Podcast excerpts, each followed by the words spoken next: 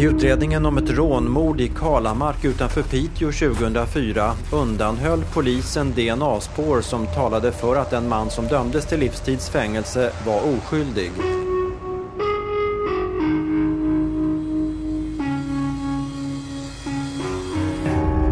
Men om det här stämmer då, er teori, Ja, då betyder det att vi har en... I så fall är det en seriemördare. ja det är alldeles riktigt.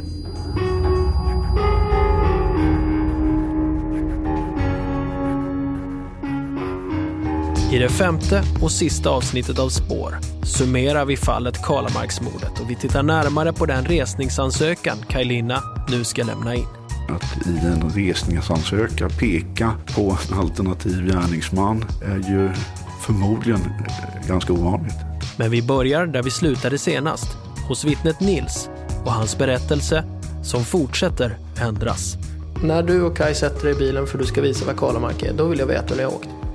Ja, Det kan inte jag redogöra för. Det är åklagarens kronvittne vi pratar om, alltså, som eh, har en stark anknytning till det här brottet. Nu avslutar vi spår om Kalamarksmordet. Jag heter Anton Berg. Vad ska ni göra i Piteå då? Inget särskilt. I förra avsnittet av Spår intervjuade vi Nils. Nu ler du och ser jävligt finurlig ut. Slut. Alltså, såg jag det där? Va?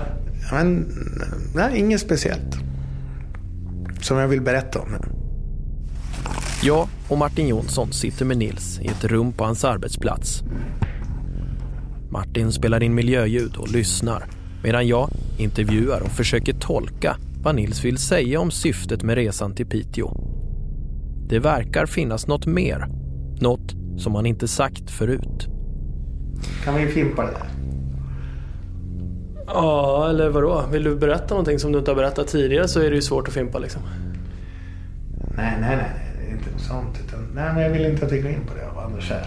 Ja, men du vet, ska vi stänga av den? Det Nils säger när vi stängt av min bandspelare kommer kanske spela roll vid Kajlinas nya resningsansökan. Vi ska återkomma till det här, för det är en bitvis ny historia Nils nu lägger fram. Men när vi fortsätter intervjun handlar det om den andra nya detaljen Nils nu berättar om. Då pratar vi om avvärjningsresan som Nils påstår att han har gjort med Kajlina dagen före mordet. Vi plockar upp han i Vissträsk, åker till Pite. I alla andra förhör har Nils sagt att de träffas i Älvsbyn, inte Vissträsk som han säger nu. Vi åker till Kalamark. Alltså vi åker omkring i... Återigen, helt omöjligt att veta idag. Men säg fyra timmar. Och här kommer nu ytterligare två nya detaljer. Nu menar Nils att de verkligen hittade till Kalamark och att resan pågick i fyra timmar, inte två och en halv som man uppgav i hovrätten. Var ni i Kalamark? Ja.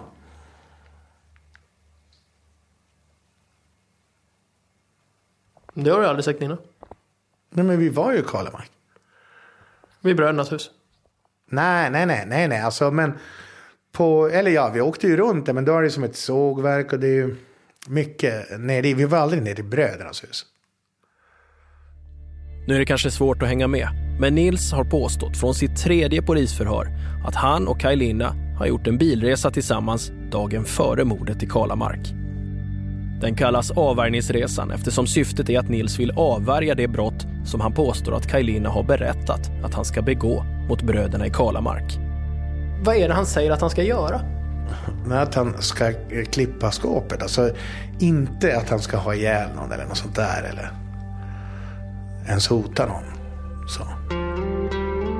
Utan det är någon form av inbrott eller stöld eller liknande. Som jag, som jag uppfattar det. Alltså. Enligt Nils ska han då velat köra Kajlina ut till Kalamark för att bevisa att han, Nils, vet vilka bröderna är och att han har gjort affärer med dem. Om det nu kommer begås ett brott mot dem kommer han bli misstänkt, så därför vill han förhindra brottet.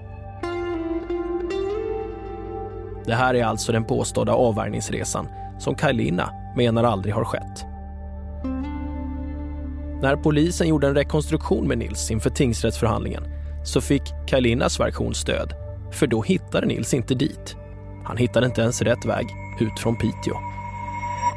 Det är helt spegelvänt alltså. Hur hänger det ihop? Förklara. Jag, jag har ingen uppfattning. Det är en smärre hjärnblödning. Det var obehagligt.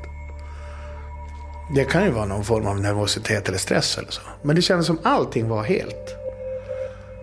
Ja, märk. Ja, kanske spegelvänt.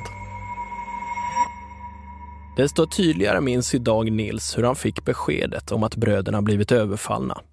Vad tänkte du när du läste det i tidningen?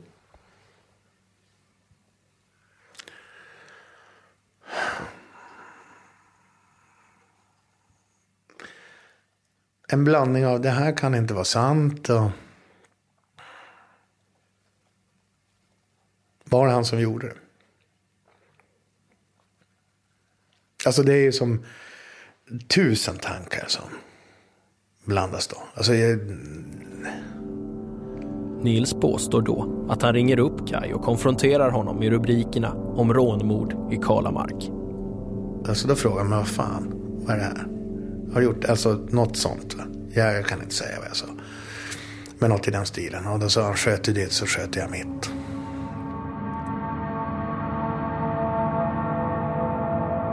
Vad gör du då när du läser det här? Jag vet inte, det är som att alltså, hela världen rasar samman. Det...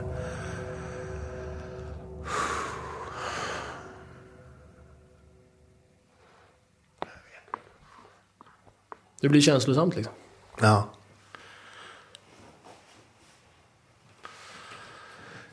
Kan vi ta en paus nu? Efter några minuter och en cigarett så kommer Nils tillbaka. Han du, få i en cigg på det där. Fort. Han förklarar varför han tycker att det blir så känslosamt att prata om två personer som han träffat bara två gånger och då enbart för att göra upp affärer med. För enligt Nils så är avvärjningsresan lyckad på en avgörande punkt. När han och Kajlina skiljs åt så är han övertygad om att Kajlina inte ska begå något brott mot bröderna. Hade jag gått till polisen med det här, så det hade inte varit någon fara för mig. Alltså sådär, det hade varit lite trassel, men inget mer. Och då känns det som att jag hade kunnat avstyra det. Alltså. Och det är ju... Nu funderar Nils på om han borde gjort något mer.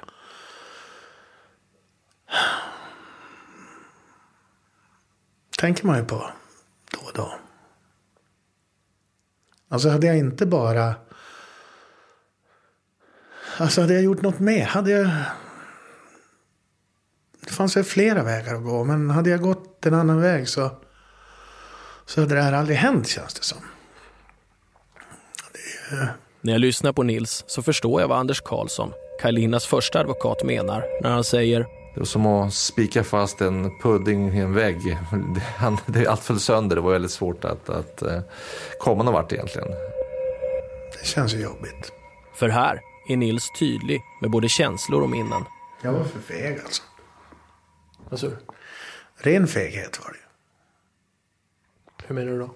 Hade jag gått till polisen med det här bara rakt av, smack, så här är det. Så eh, då hade ju det här aldrig hänt antar jag. Eller jag vet inte om de hade kunnat göra så mycket egentligen. Men det är ju en tanke som... Den är svår att bli kvitt.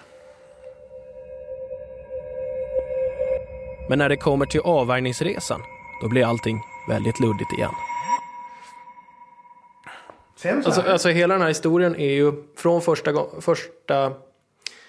Nej, inte från första stund, för de första två förhören nämns den inte. Men när avvärjningsresan kommer upp så har den varit svår att följa för en utomstående. Jag har haft stora problem när jag har läst i förhören, när jag har lyssnat i tingsrätten, hovrätten och även nu. Så fattar jag inte hur fan jag har åkt. Ja, det kan jag inte redogöra för heller. Och det förstår jag inte heller, för den är ju så pass central den här resan. Du har, sagt att den är viktig. Det var, den var viktig då för att få Kai att förstå att han inte skulle göra de här affärerna. Det var en svinviktig resa liksom. Det har du sagt flera gånger och ändå kan du inte redogöra för hur den har gått till. Och det, Jag fattar inte. Nej, alltså.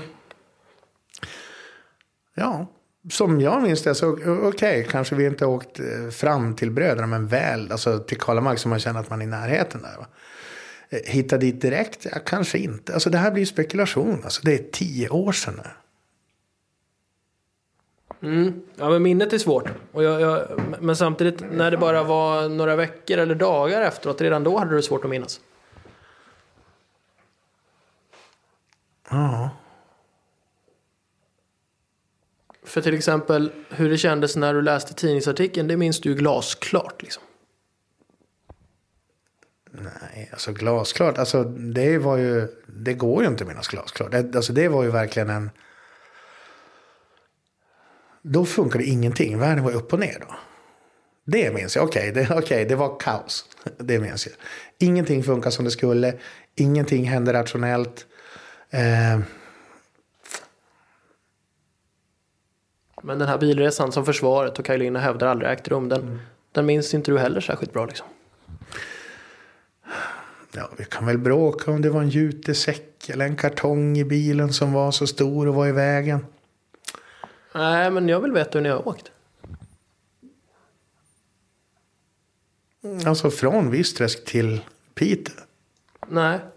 När du och Kaj sätter dig i bilen för du ska visa vad Kalamark är, då vill jag veta hur ni har åkt. Det kan inte jag redogöra för. Jag förväntar mig att han ska ändra sin version. Det, det, är väl ingenting som förvånar mig precis. Det måste han ju göra. Han måste ju anpassa sig till vartefter liksom sanningen kommer fram. Jag träffar Kajlina en andra gång på Norrtäljeanstalten. Nu kan jag berätta vad Nils har sagt. Jag är ju dömd på hans ord och här är ju ett bevis på att han ljuger. Så att, ja, jag behöver ju inte mer än så. Vi ska strax gå vidare med historien om fallet Kajlina.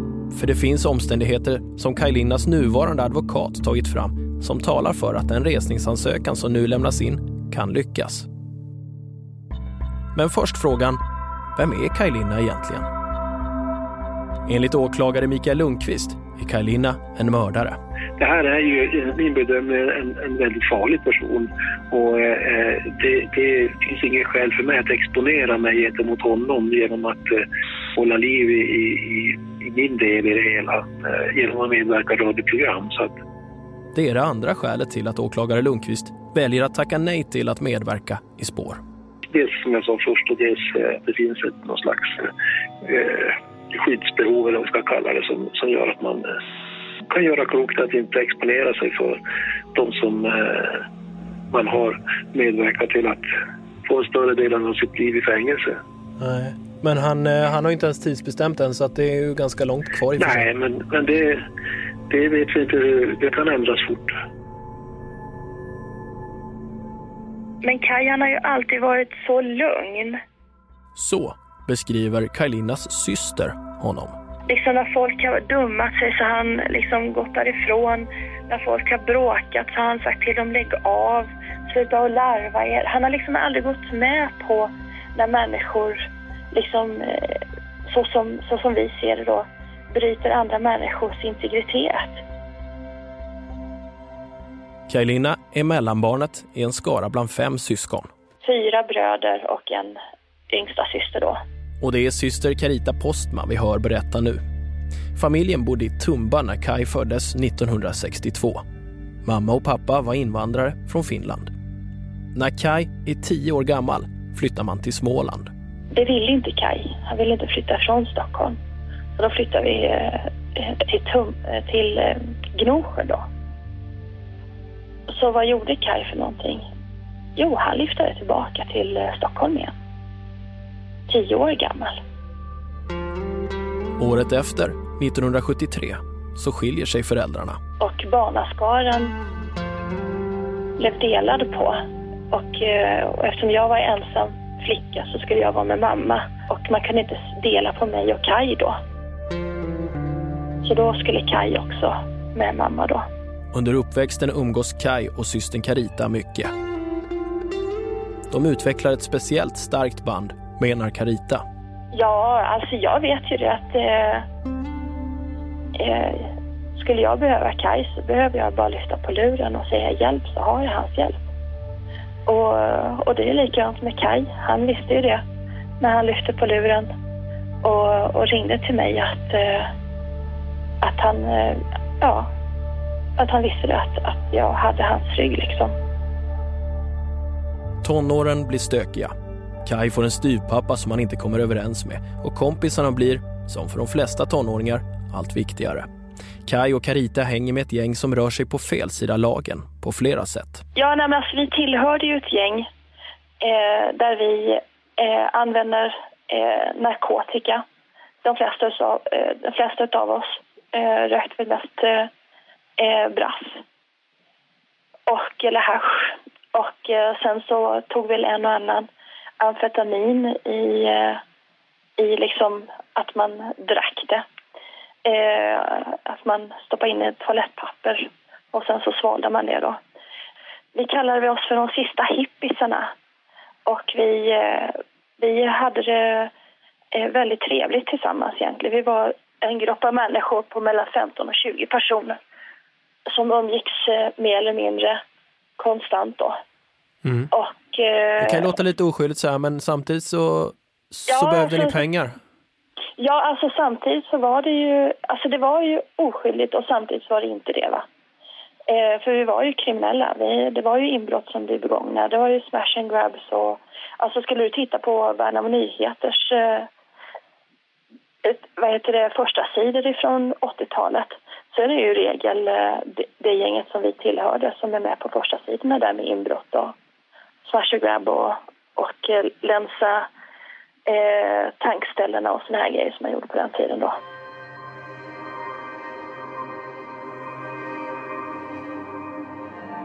Allting slutar med ett inbrott som går snett och där polisen får fast Kaj Linna. Han tillbringar en månad i fängelse och det blir början på en förändring. Det menar i alla fall systern Carita Postma. Eh, han hade ju varit tillsammans med eh, min bästa väninna i många år som var jämngammal med mig. och, eh, och de flyttade ifrån Gislaved. De flyttade till eh, Jönköping och eh, han började att utbilda sig själv och såna här grejer. Och sen så flyttade de till Stockholm och Kai kom och hämtade mig och tyckte att jag skulle bo tillsammans med dem och få ordning på mitt liv också. Kajlina arbetar som kock och 1986 gifter han sig och får barn, men skiljer sig fem år senare. Med nästa fru får Kaj Linna två barn. Förutom kockyrket jobbar Kaj ofta som försäljare. Ibland åt försäkringsbolag, ibland åt sig själv. Som när han säljer kassaskåpet i Kalamark. I början av 2000-talet arbetar han som kock på restaurangen Sparta i Älvsbyn med sin dåvarande sambo. Men han blir mer och mer intresserad av så kallad relationsmarknadsföring. I en tidig polisrapport står det att Kaj Linna sysslar med pyramidspel. Ja, det är ett sätt att eh, svartmåla det hela. Det finns ju någonting som heter multilevel marketing. Och det var det jag sysslade med. En väldigt eh, formidabel affärsverksamhet. Som eh, de som inte är insatta hellre kallar för pyramidspel. Eh, ja, det är för att man inte är insatt i fakta så att säga. Alltså, I något förhör kallas det också lite för, det liknar Tupperware, skriver man. Ja, Tupperware är ju ett multilevel marketingföretag. Mm. Herbalife och jag menar det finns säkert tusentals sådana här företag. Nätverket som Kaj Linna var inblandad i kallades för VGI, stod för World Games Inc och har fått svarta rubriker i efterhand. Han säger själv i något förhör att jag försöker röra mig i den grå sektorn men inte vara i den svarta. Om åklagaren menar att Kaj Linna är en farlig och kallblodig mördare medan hans syster menar att han är en lugn bror som går sina egna vägar ja, det gör vi kanske bäst i att lyssna på en oberoende journalist som kan bedöma Kaj Linna objektivt. Stefan Lisinski har gjort många intervjuer med Kaj Linna och en egenskap står ut, menar han. Det är kanske den egenskap som Kaj Linna lidit mest av. Han har sig själv som tjurig och jag håller verkligen med. Han är extremt tjurig, det har han ju varit hela tiden. Det finns också i en, en när de sen när, när han ska dömas så ska de ju göra en sån här personutredning på honom. Där de ska liksom bedöma vad, hur han är som person och sådär. Och han vill ju inte medverka där heller. Jag tror inte på, jag vill värna om min integritet eller vad han säger. Och, sådär och, och, sen, och, så där har han ju varit även inne på anstalt och, och så. Han, han, han vill inte samarbeta. Han är, han är tjurig. Och det är inte till hans fördel, verkligen inte. Eh, Men eh, det verkar vara ett drag hos honom att han är så. Ett positivare ord för tjurig är envis. Jag eh, kommer aldrig någonsin, någonsin att eh, sluta och jag kommer inte ge mig. Jag kommer inte söka tidsbestämt. Jag kommer eh, fortsätta med det här. Och ju mer åren går, ju mer grejer framkommer ju. Så att, ja. Tillåter du dig själv att drömma om frihet?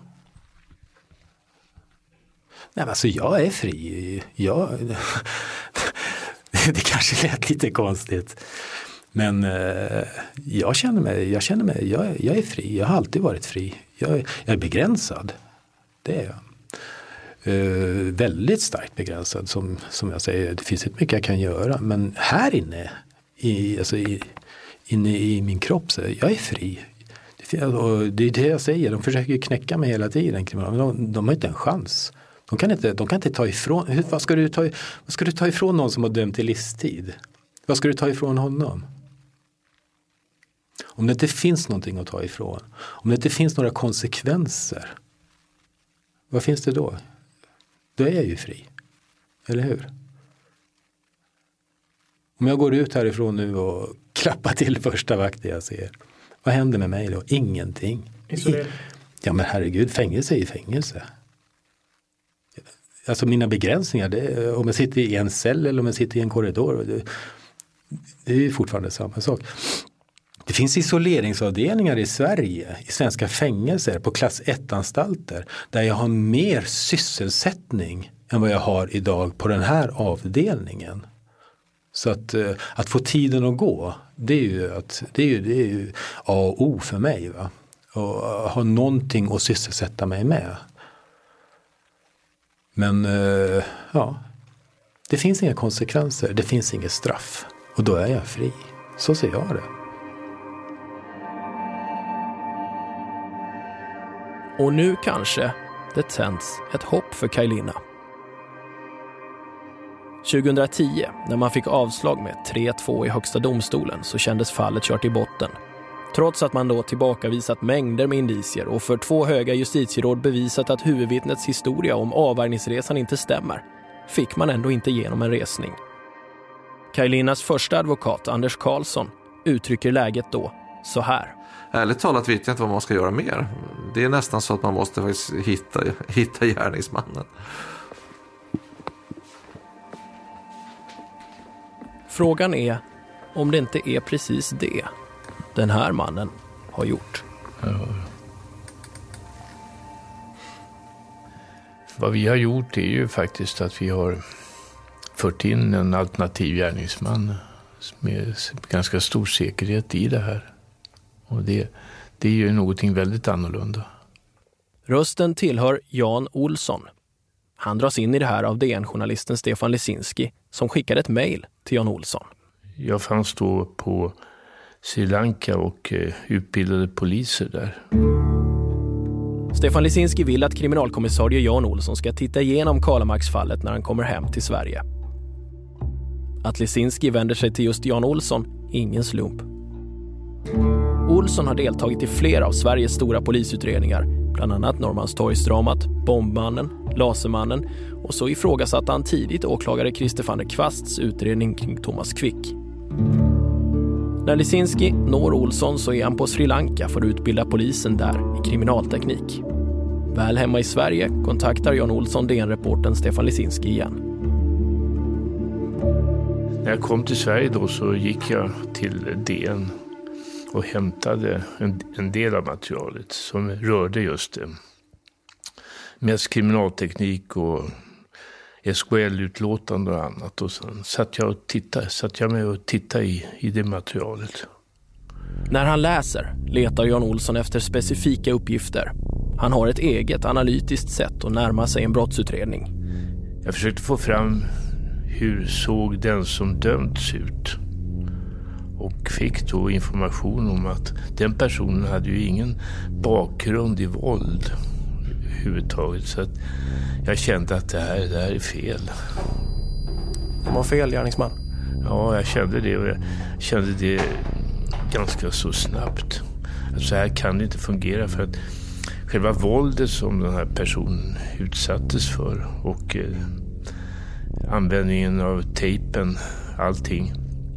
Det pekar ju på någonting annat. Att det kanske var själva tejpningen kanske var ett självändamål för några andra syften eller drifter hos den person som gjorde det där. Så kände jag. Jan Olsson kan nämligen en hel del om hur gärningsmän fungerar. Det var han som startade gärningsmannaprofilgruppen på Rikskriminalen. Jag började med den verksamheten 1994 i samband med laserärendet. Det var när utredningen kring Lasermannen körde fast som man tog till åtgärden med att försöka skapa en profil av hur gärningsmannen kunde se ut baserad på hans gärningar. I laserärendet användes det för första gången att man går in, gick in och eh, förde ihop ärenden och sedan så gjorde en slags bild av gärningsmannen. Det var ju lyckat att göra så. Sedan tror jag att eh, när Ulf Åsgård och jag började arbeta tillsammans, en polis och en psykiatriker, så fick vi det på något sätt att fungera. Det som väcker Jan Olssons nyfikenhet i fallet Kalamark är när han ser hur mordoffret, den äldre brodern, är tejpad runt armar, ben och huvud. Och då såg jag någonting som gjorde mig väldigt förvånad. Det var att eh, det var två olika typer av tejp som han hade tejpats med. Och jag ringde till Lisinsko och sa, ja det här med de här två ny, olika typerna av tejp, hur har man pratat om det? Nej, ingen hade tydligen sett detta.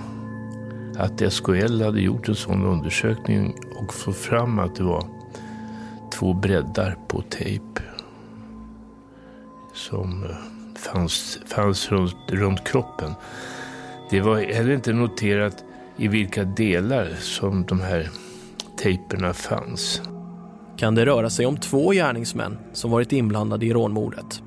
Om man har två rullar med tejp och rullar så kan man tänka sig att det finns två olika alternativ. Ett alternativ kan vara att någon rullar tills den ena tejpen tar slut och tar en till. Det kan ju också vara så att två stycken rullar samtidigt. Och det skulle man ju kunna se, då skulle man ju plötsligt få två personer. Men det, den undersökningen hade inte gjorts. När Jan Olsson tittar på de dokument som polisen gjort angående spåren vid den parkerade bilen vid Karlahattens parkering så upptäcker han nästa detalj som stöder teorin om två gärningsmän. Vid, vid dörren till vänster vid förarplatsen hittar man ett spår som ligger, som ligger ungefär 30-40 centimeter ut. Precis ungefär som att man kliver ut därifrån. Och det har ett speciellt, man kan se antydan till mönster. Och sedan vid bakdörren, vänster bakdörr, där finns ett skospår som man kan säga och, och undersökaren säger att det, det är från en skidkänga. Så plötsligt så har man ju, vi har ju nu två stycken som går ur bilen. Ingenting som diskuterades i domstolen. Och det finns, det finns i materialet. Så då ska de ha suttit, eh, på, någon kör och någon sitter bak bakom den som kör alltså? Ingen sitter på höger sida i bilen? Nej, eh, så är det ju. För hade någon suttit i höger sida så kunde för där gick det inte att gå ut för där fanns en snövall. Utan det var bak och eh, förmodligen har väl den personen kanske legat ner eller annat för att inte synas. Det kan ju vara så. Den sista pusselbiten, och möjligen den allra viktigaste, hittar Jan Olsson i ett annat fall. Nu menar han att teorin om två gärningsmän verkligen kan stämma. Och det var så att jag läste i, eh, jag tror i någon tidning och så, om eh, ett, ett brott som hade begåtts i Långared. Och eh, där fanns det, i informationen så talar man om tejp. Det var ett eh, lantbrukarpar som mördats där.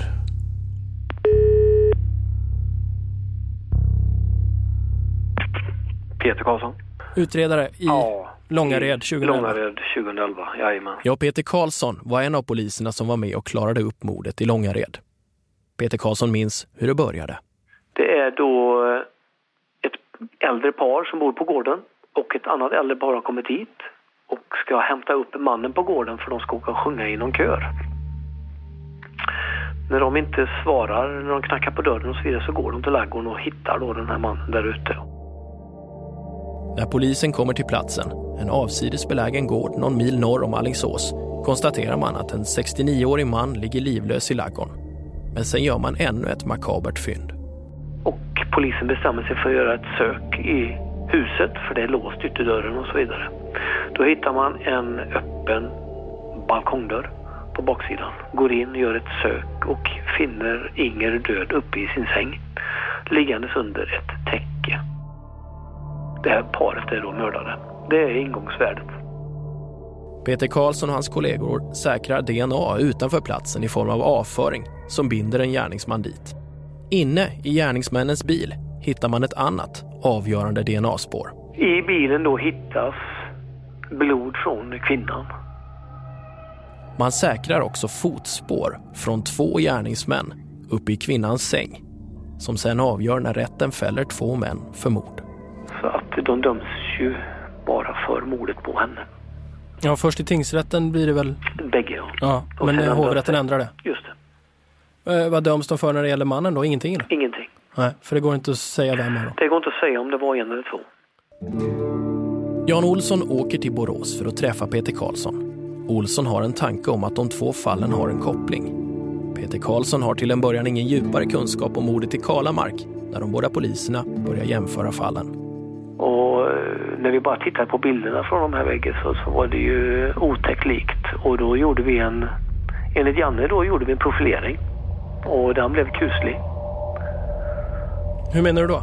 Det var så mycket som stämde överens. Det man ser här kallas på kriminalspråk för modus operandi, alltså en gärningsmans tillvägagångssätt. Och här menar Jan Olsson och Peter Karlsson är det exakt samma modus operandi vid både Kalamark 2004 och Långared 2011. En bondgård, två stycken äldre människor. Ja, det är platsen, det är våldet, det är omsorgen efter våldet, det är tejpning, eh, döljande av, av eh, platsen och, och offret och ja, det är mycket sådana saker. Bilen som gärningsmännen använt, den var placerad en bit ifrån båda fallen. Ja, och sen satte man sig och väntade, inväntar rätt tillfälle. Eh, man sitter med stor sannolikhet i ett, ett traktorgarage och tittar ut och man har full uppsikt över utgången som, som mannen har här när han lämnar bostadshuset och går ner till ladugården då. Eh, där har man full uppsikt så att eh, man, man sitter där och inväntar att han ska gå ut och sen så påbörjar man då i, när man så att säga rätt tidpunkt och det stämmer också överens med Kalamark. Att man hade tagit vapnen som man hade slagit med hade man tagit från gården eller vid gården och lämnat kvar. Man har dumpat det på plats. Vad är det för ett mordvapen? Det är ett rör eh, och ett eh, brytverktyg. Och sedan ha- hade man först angripit den som gick in i uthuset och därefter den andra. I sängen där den döda kvinnan ligger. Hon är för övrigt eh, tejpad, groteskt tejpad över sitt ansikte. Jag kan räkna upp en oändlig massa saker som då stämde. Men det som gjorde att det här, det här blev väldigt obehagligt. Det var en väldigt otäck känsla. Det var när vi...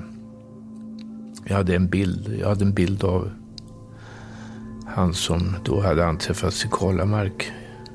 Hans huvud, ansikte. Och eh, Peter Karlsson hade en bild ifrån Långared av den som anträffats nere i ladugården. Och när man la dem tillsammans vid sidan om varandra så trodde man att det kunde vara samma person som hade fotograferats från olika håll. Så lik var tejpen över ansiktet. Så att säga, hur många gånger sker detta på en redan död människa?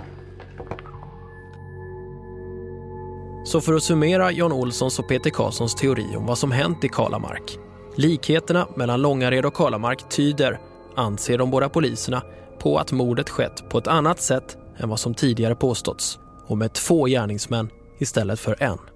När vi har resonerat om det och tittat på det så, så, finns, så tror vi att den som hänger med sig nummer två, han är bara inställd på att det ska bli ett rån. Om man nu får säga bara om det. Va? Men, men helt plötsligt när det väl drar igång så, så blir det vansinnesvåldsdåd eh, av det hela och man är aldrig med honom mer än en gång. Därför så har han ju nya, nya tvåor med sig vid varje tillfälle. Och har man då liksom inte gjort någonting innan och inte tänker göra någonting efter och bara är med på detta så finns ju inte DNA någonstans. Men om det här stämmer då, er teori? Ja. Då betyder det att vi har en, i så fall är det en seriemördare? Ja, det är alldeles riktigt. Hur många sådana finns det då? Jag...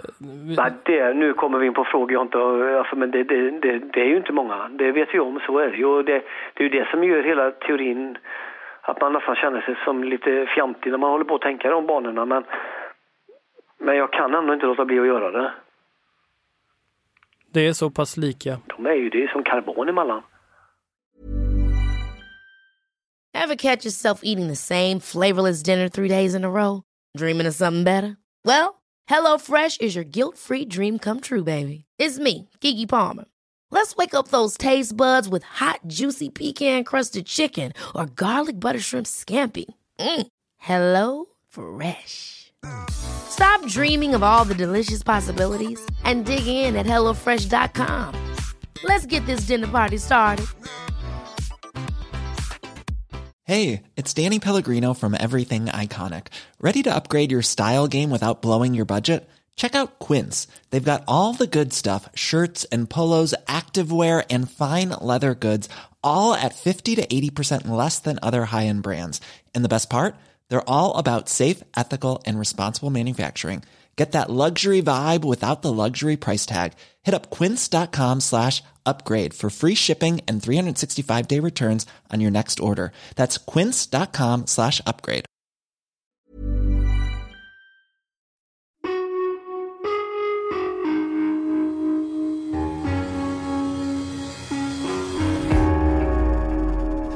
Kan jag bara, vill du se den där bilden? Ja, gärna. För då kan vi titta i datorn. Ja, visst. I Jan Olssons arbetsrum i hans hem står en dator med stor skärm. Han klickar på ett dokument med två bilder bredvid varandra. Det är på de båda offren som hittats i ladorna i Kalamark respektive Långared. Fan, inga vackra bilder här. Mm. Nu ser du. Nu Ja. ser tejpen där. Ja. Det här kan du inte visa. Du måste tänka också på, på, något sätt på, på offren. Ja, ja, visst. Sune vill ju inte se de här bilderna i hovrätten till exempel. Ni som lyssnar via Acasts app vet att vi tidigare lagt ut bilder från förundersökningen. Men den här bilden väljer vi att inte visa. Och det är med hänsyn till offrens anhöriga. Men tejpningen är ju väldigt... Eh, ja, men det är ju identiskt som du säger. Ja, ja, det är det. Istället får ni lita på Jan Olsson, Peter Karlsson och på mig när vi säger att sättet de båda männen tejpats runt munnen på är oerhört likt. Alltså jag, när jag ser det här så ser jag ju på det som en yrkesman. Jag bryr mig inte om, utan det, det, är ju, det är ju det här det handlar om. Och hur många människor är det?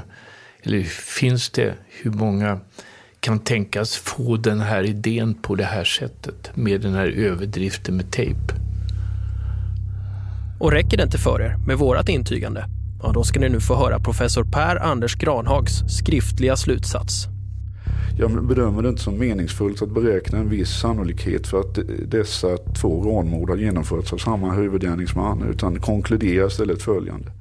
Rånmorden i Kallamark och Långared uppvisar en unik grad av likhet och min bedömning är därför att det är en mycket hög sannolikhet att dessa två brott begåtts utav en och samma huvudgärningsman.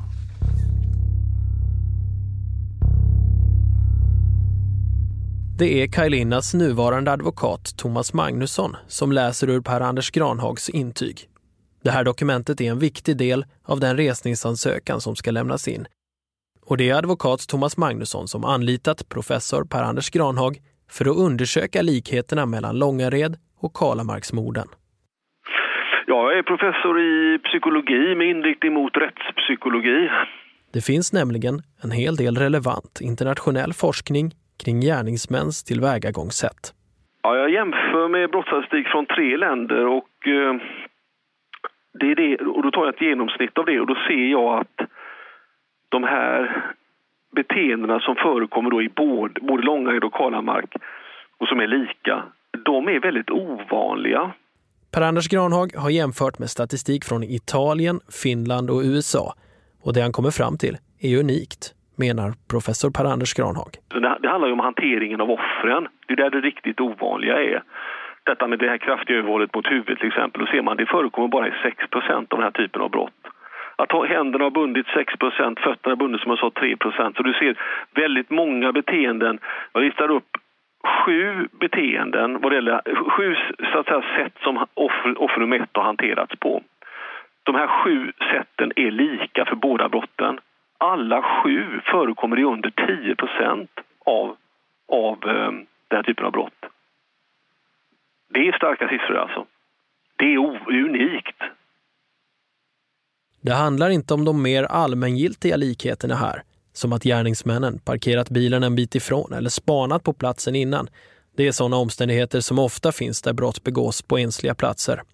Nej, det som gör det unikt här är de udda saker som finns, både i Långared och i Kalamark, menar professor Per-Anders Granhag. Och det gäller också offer nummer två.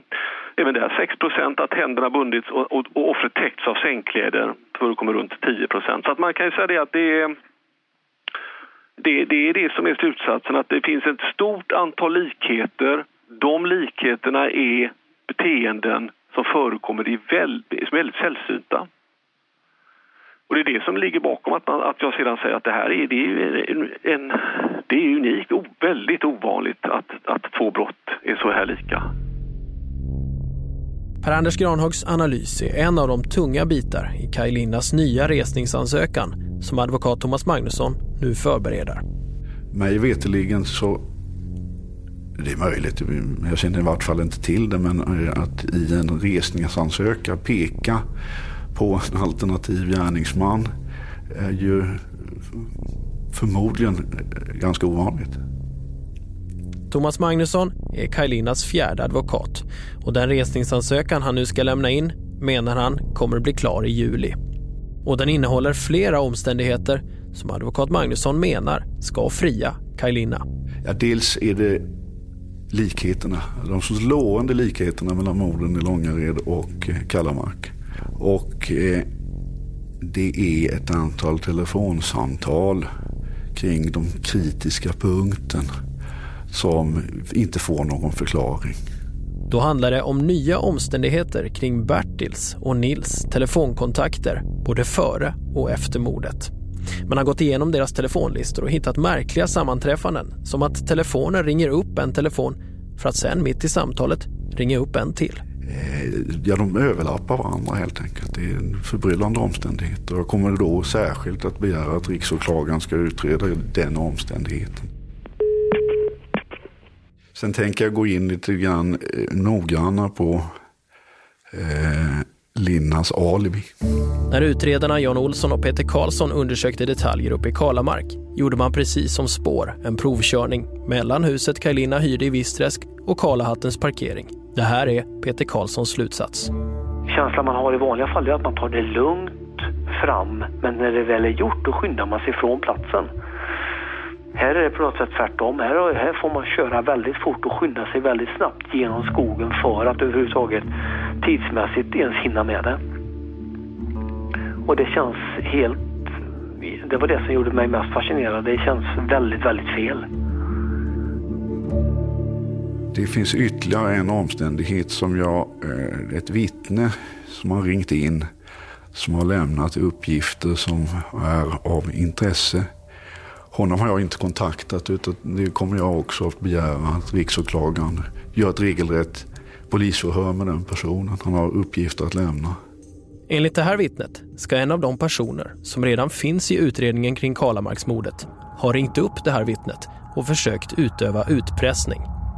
Det som gör det extra intressant är att personen ska ha sagt Om du inte betalar så går det för dig som du gjorde för bröderna Lindberg i Kalamark. en inte helt oväsentlig uppgift i sammanhanget. Och som jag vill att man kontrollerar upp ordentligt. Förutom allt detta så spelar också huvudvittnet Nils ännu en gång en avgörande roll för Kajlinas chanser att bli fri. Det handlar om de nya uppgifterna om varför han och pappan åkte till Piteå. Om ett kronvittne vars uppgift har fällt en person till livstids fängelse för mord men ändra eh, sin eh, berättelse i delar som eh, definitivt kan vara av betydelse så måste man ställa sig frågan hur många ändringar eh, behövs det för att skapa tvivel kring ett kronvittnes eh, vittnesmål. De nya uppgifterna från vittnet Nils, ja. Vi stängde ju av min bandspelare när vi intervjuade Nils. Grejen är att min kollega Martins bandspelare inte var avstängd. Vi har alltså Nils nya uppgifter om varför han och hans pappa skulle åka till Piteå, inspelade. Men frågan är om det är rätt att spela upp det här. Rent juridiskt finns det inget hinder. Men Nils vill inte att vi ska få höra det här på grund av det här skälet.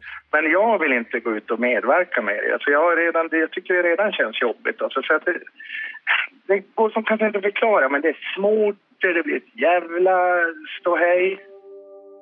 I den ena vågskålen ligger nu alltså Nils önskan om att inte ta upp en sak som svärtar ner honom och hans pappa. Något som alltså skedde för 11 år sedan. I den andra vågskålen ligger Kaj möjlighet att få resning från ett fängelsestraff på livstid. Det här är ett beslut som vi funderat länge över. Om man gör en överenskommelse om att stänga av en bandspelare betyder det ju självklart något. Men vi har en överenskommelse med er som lyssnar också. Vi vill försöka reda ut vad som har hänt och vad som är sant och inte. Om vi nu får en viktig pusselbit, är det verkligen professionellt att som journalist inte rapportera om den då? Vi lutar åt att spela upp det ljud vi har. Nils är inte namngiven med sitt rätta namn och det här kan ha avgörande betydelse för en person som kan vara oskyldigt dömd och redan suttit 11 år i fängelse. Men vi vill låta Nils få reda på det här beslutet i förväg. Så jag ringer upp honom för att berätta vad som kommer att ske. Jag vill inte vara med, med i det där, men möjligen. Alltså, kan väl höra senare inför det i så fall. Vi, vi hade ju två bandspelare när vi pratade med dig. En som tog upp eh, ljud i rummet och atmosfär. Så vi har ju... Vi har ju när du berättar om det här. Det fanns ju på den bandspelaren liksom. Då överraskar Nils oss igen. Men eh, ta det material ni har alltså, och använd det. Ja, det är, lite... är det okej okay då, eller? Det räcker kanske? Ja, det är lite lågt, men det, det får funka då. Ja, ja, men det får funka. Det är inga problem. Nej. Men eh, då vet du i alla fall att det kommer ut då. Ja, ja visst. Mm. Alltså, jag förstår ju syftet med det ni gör. Det är liksom men ni gör det bra. Det är spännande och bra. Alltså, jag är inte så förtjust i allt, men alltså, det, det är respekt. Det är alltså inga problem längre för Nils att vi får höra det som han undanhållit för två domstolar. Så här har ni ljudklippet. Vad var det Nils och hans pappa skulle göra i Piteå? Ja, men du vet, ska vi stänga av den här? Mm. Ja, vadå då? Ja, men jag vill inte sitta och basunera ut det i radio. Men då det fanns ett annat skäl liksom eller? Man kunde väl kombinera det hela. Att ni var i Piteå så kunde du, vadå, gjort något annat i Piteå? Som du inte vill berätta? Mm. Alltså som inte är väsentligt för det. Och det är någonting som du inte har berättat tidigare i, för polisutredningen? Jag antar att jag inte berättar i utredningen. Nej. Men vad är det då? Men det handlar lite droger och så. Ja. Alltså man ska kunna passa på med sånt. Mm. Så det, det, är ingenting som jag vill liksom. Men det har jag inte sagt någonting. Jag skulle bara för berätta inte det för. För alla undrar ju vad fan jag gjorde i Piteå. Och ja. För jag tänker att ni ändå i en mordrättegång borde ha snackat om det här. Liksom.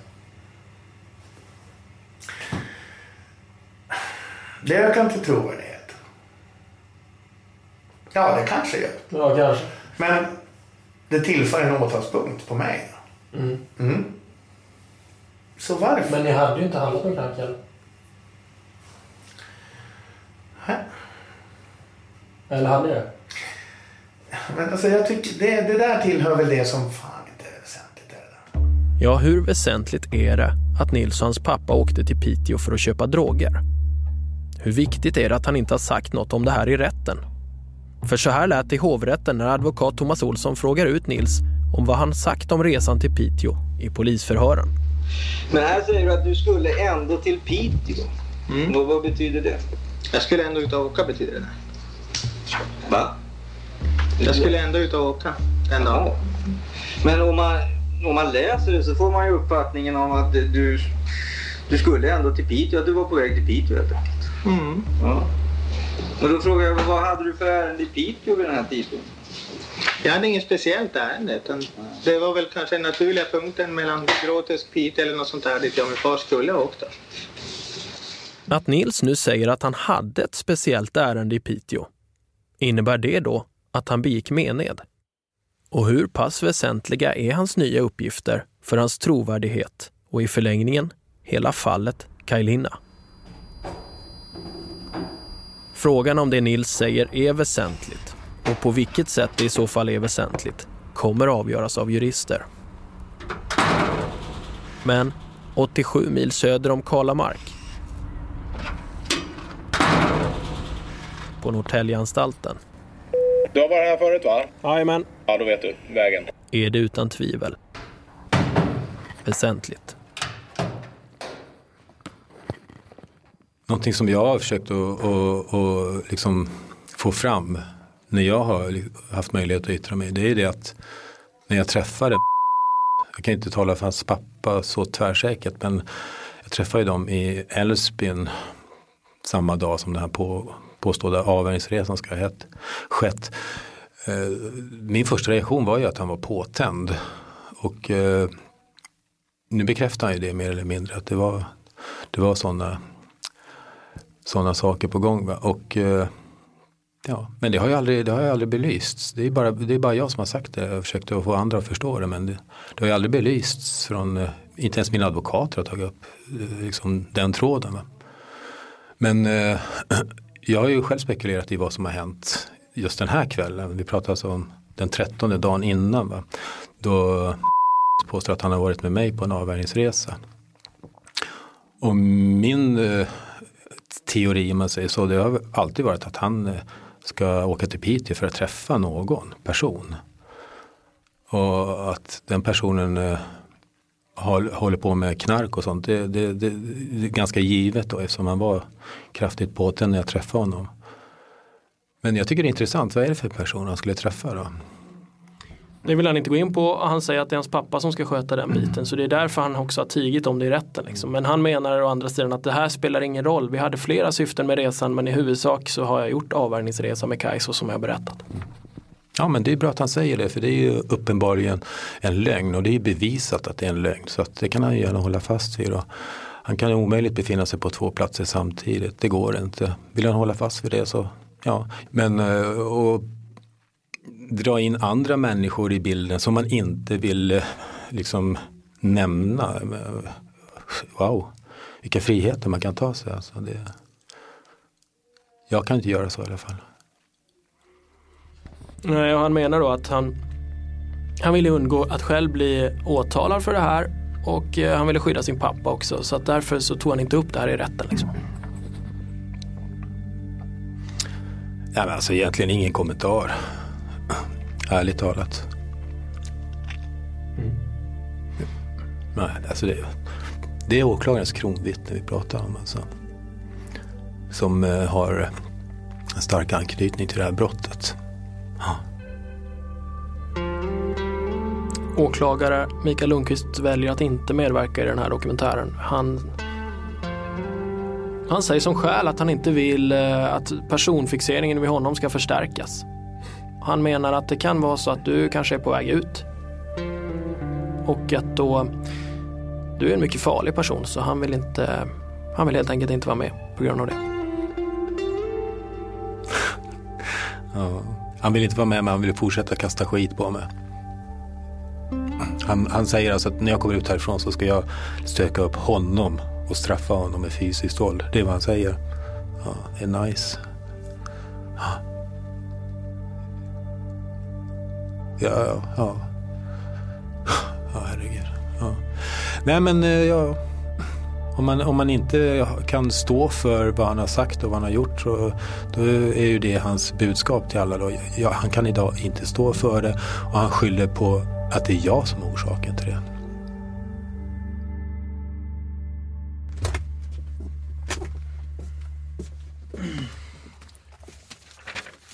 Vi tar bort telefonen. Uh, här är vi. ja är du där? Ja, rullar um, Men du Anton, nu har det ju eh, nu har det gått en tid. Jag, jag minns när du klev in på, på kontoret förra året och presenterade Kalamark. Och jag minns att vi tänkte att det var ett enkelt och ett okomplicerat fall. Mm. Ja men så var det ju verkligen. Det fanns, ett, eh, fanns tre tydliga huvudpersoner, alltså Kajlina och sen Nils och Bertil, förutom rånoffren då. Ehm, det fanns tydliga tecken på att det här eh, svajat i utredningsstadiet och även i domstolsprocesserna, eh, att det har gått fort där. Ehm, och det fanns ganska få som har skrivit om det, med DN som det lysande undantaget och Stefan Lesinski. Men andra medier har inte riktigt hakat på.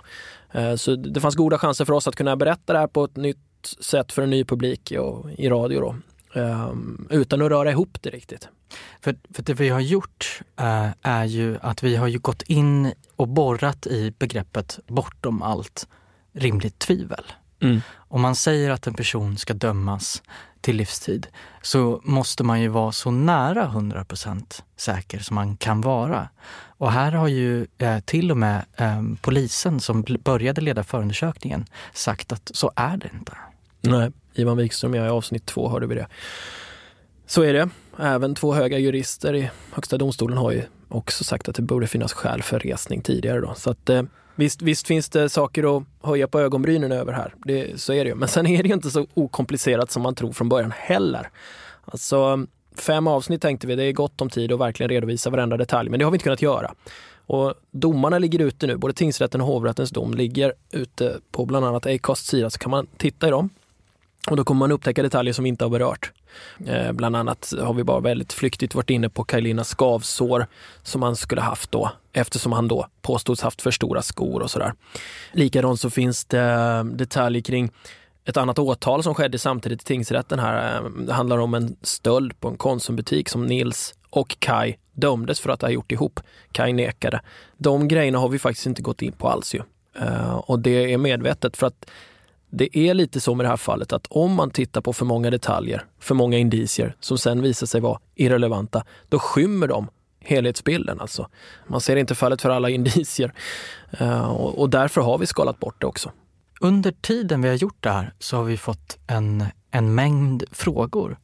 Eh, och det är väl kanske två frågor eh, först och främst. Men den första frågan är ju, vad tycker vi om Kai? Är han skyldig? Och då är det ju så att vi har inte tagit ställning när det gäller Kai. Eh, huruvida han är skyldig eller inte, för det, det ligger inte på vår, det är inte vår roll känner vi.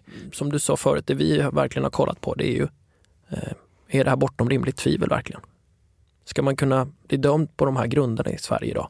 Mm. Men, men den andra frågan eh, är, som jag också har legat och grubblat nätter när jag inte kunnat somna och legat och tänkt på Karlamark, är ju när rån, eh, rånaren eh, mördaren kommer in så frågar han eh, brodern som ligger inne i huset, frågar honom var är skåpet? Och det där har slått mig som så märkligt för att Bertil och Kai Linna, de installerade ju skåpet. Och Nils har ju även varit i huset och sett skåpet. Varför frågar man då efter kassaskåpet? Mm.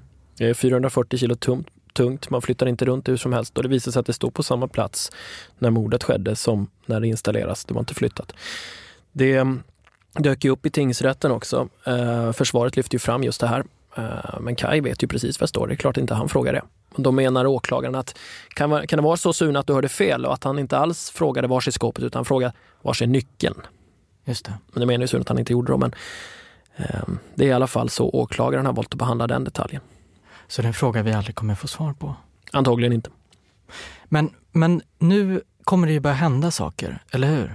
Mm. En ny resningsprocess som pågår, har pågått ett tag och börjar få sitt slut nu i och med att den här resningsansökan lämnas in av advokat Thomas Magnusson. Uh, vi får se hur det går med det. Det kommer ju ta tid innan den behandlas och vi får något svar. Uh, det man kan konstatera egentligen det är väl att den här resningsprocessen den har pågått som dag ett och den pågår varje vaken stund egentligen bakom murarna på Norrtäljeanstalten i Kaj cell. Ja, nu åker jag härifrån. Det kanske är sista gången vi ses. Om du inte kommer ut här så ganska snart då. Det får man ju se. Vad, vad är dina tankar? Ja, mina tankar kring det här är ju att det här är en process som förmodligen inte kommer att vara avslutad före det här året. Så den lär nog stänka över på nästa år också.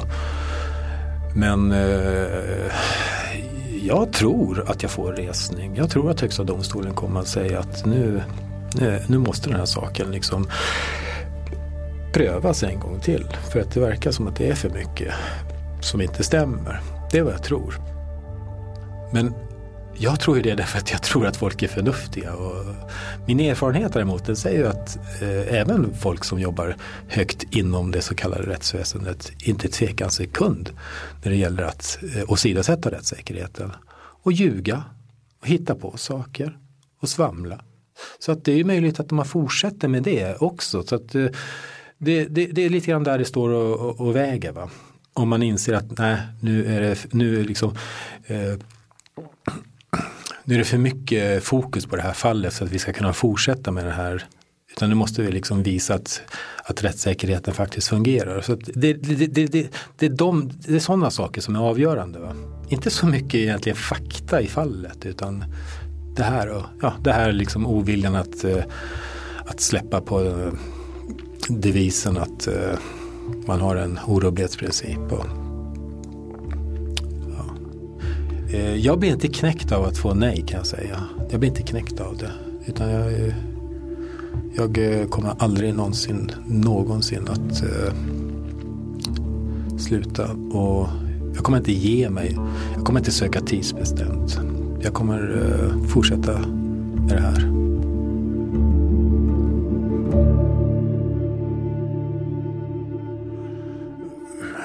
Man försöker hävda att han är oskyldigt dömd. Jag hävdar att han är faktiskt kanske felaktigt dömd.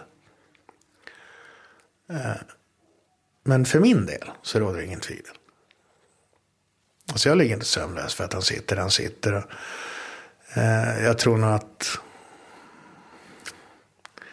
Kan ju förstå om man har någon syrra eller annan anhörig morsa. Alltså Attila hade väl en morsa också som tyckte att han var en kaninunge.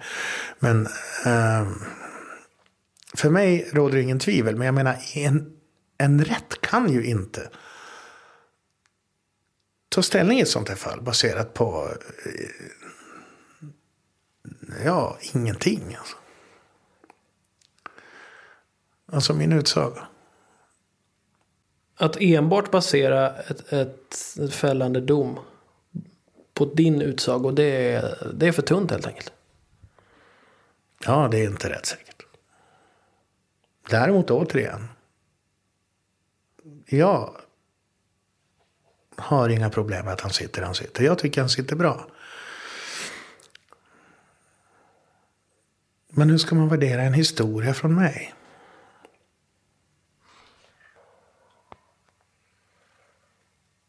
Du har hört sista delen av Spår om Karlamarksmordet. Resningsansökan är planerad att lämnas in i juli. Det återstår att se hur riksåklagaren eller Högsta domstolen väljer att behandla Kajlinas uppgifter. Vi följer utvecklingen med spänning och Spår är förhoppningsvis tillbaka med nyheter redan till hösten.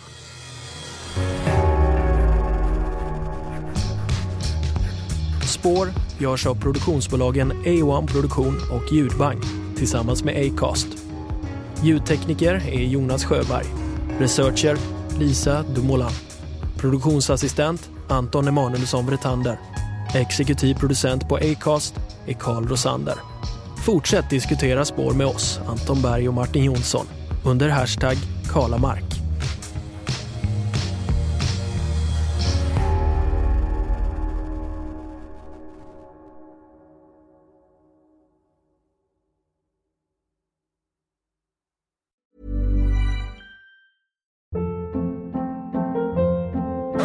Hold up. What was that? Boring. No flavor. That was as bad as those leftovers you ate all week. Kiki Palmer here, and it's time to say hello to something fresh and guilt-free. Hello Fresh. Jazz up dinner with pecan-crusted chicken or garlic butter shrimp scampi. Now that's music to my mouth. Hello Fresh. Let's get this dinner party started. Discover all the delicious possibilities at hellofresh.com.